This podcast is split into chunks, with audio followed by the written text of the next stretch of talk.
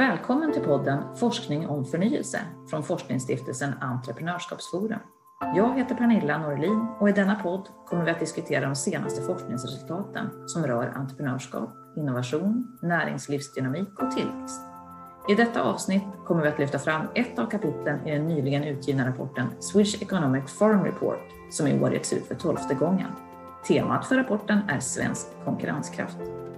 Med mig idag har jag Pontus Braunerhjelm, en av åtta medförfattare till rapporten. Hej Pontus! Hej Pernilla!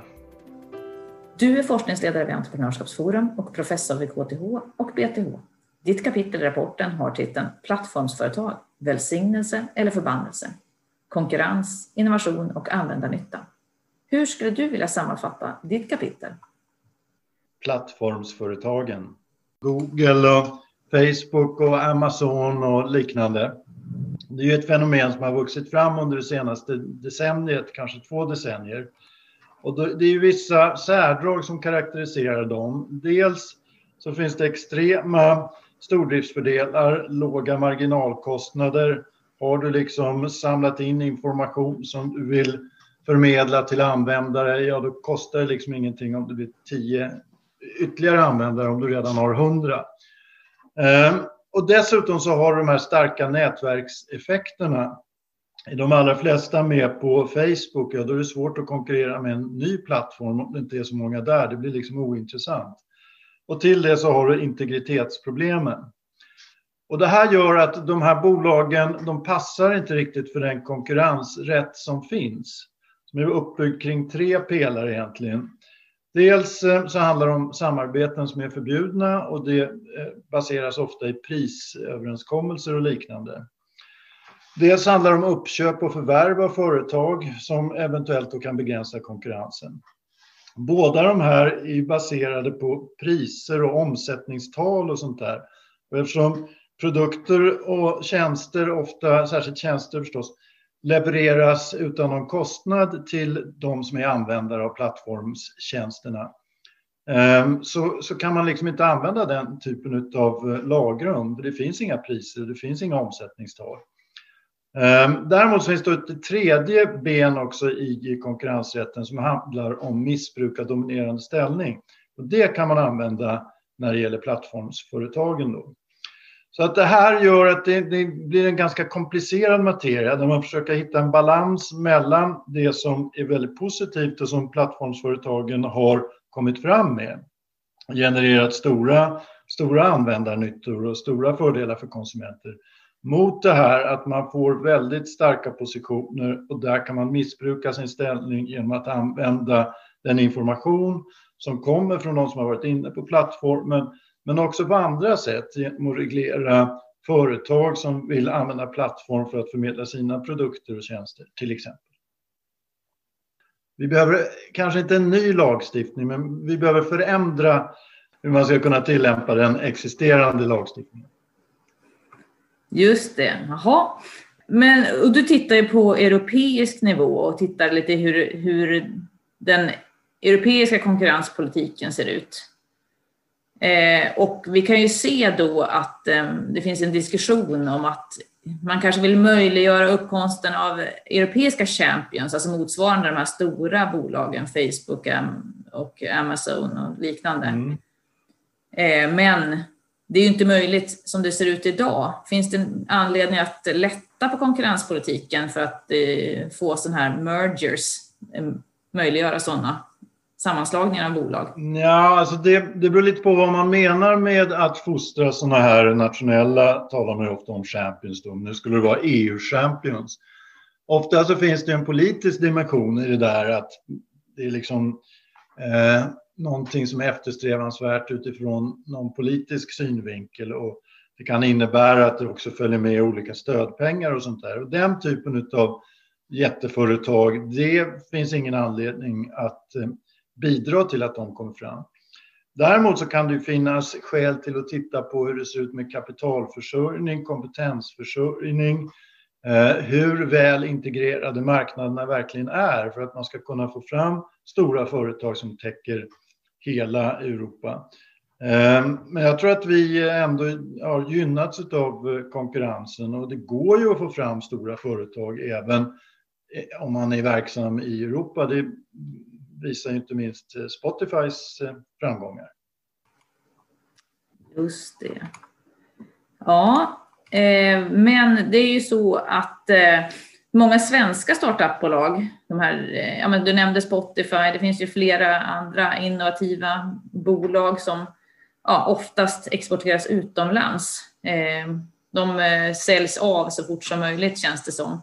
Och det ger ju inga effekter i ökat välstånd för varken svenska eller eh, den svenska befolkningen eller för den europeiska heller om man ska se på den nivån. Eh, hur ska vi tänka här? Finns det någon annan politik som Sverige bör verka för på detta område? Nej, men jag tror återigen att det handlar om de här förutsättningarna för att växa, skala upp företag. Och det är de faktorer som jag nämnde. Det eh, är kapital och kompetensförsörjning men också personaloptioner och sånt där som är viktigt för att man ska kunna bygga företag som blir stora. Sen har det naturligtvis varit väldigt frestande för grundarna att sälja sina företag om till exempel Google kommer med ett väldigt fett bud på ett bolag.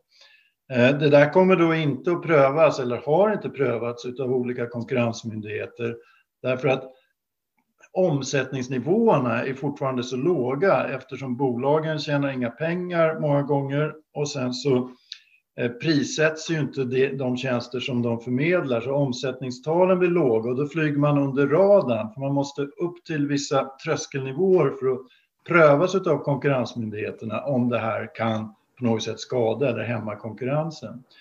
Eh, så att det är lite olika delar i det där och det, ibland är det bra liksom att mindre och nystartade företag köps av de större.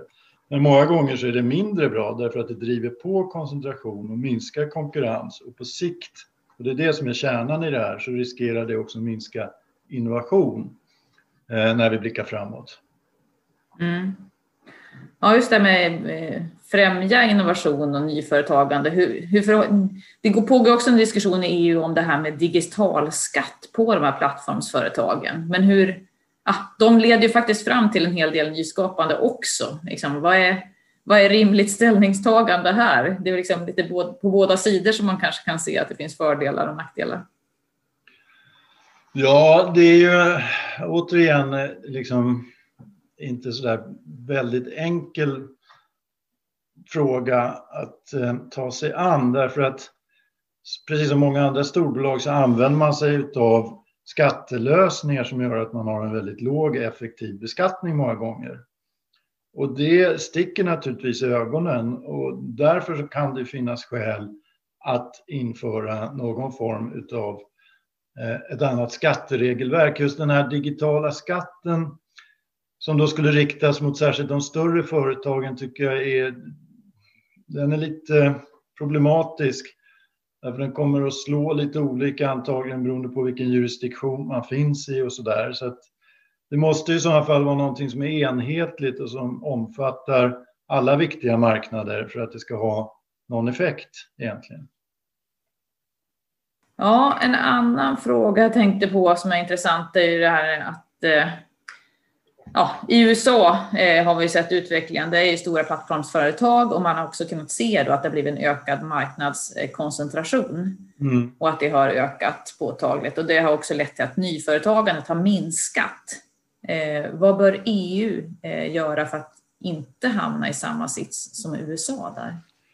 Nej, men jag tror att det är just att värna de här sakerna och hitta en balans mellan de effektivitetsvinster som kan göras när företag växer sig väldigt stora och förvärvar en massa andra företag. De här stora plattformsföretagen de har ju förvärvat 500 plus någonting mindre företag. Inget av de förvärven har prövats av olika konkurrensrätter. Så att se till att konkurrensen fungerar och även om det finns plattformsföretag så kan man tänka sig att man måste eh, ha en teknikstandard som gör att flera företag kan komma in på plattformarna, kanske kan ta del av de data som finns där, därför att data är liksom hårdvalutan i den här världen.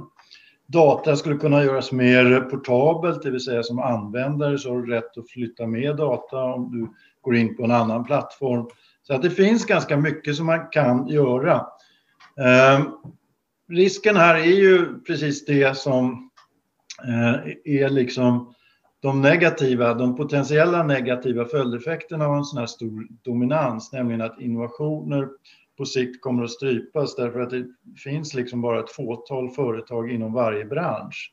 Och de kanske ligger och bevakar varandra, men det kommer inte vara något sånt där riktigt tryck på eh, nya produkter och nya tjänster som det blir om det är en massa nystartare och växande företag som liksom krafsar de här andra i, i, i hälarna.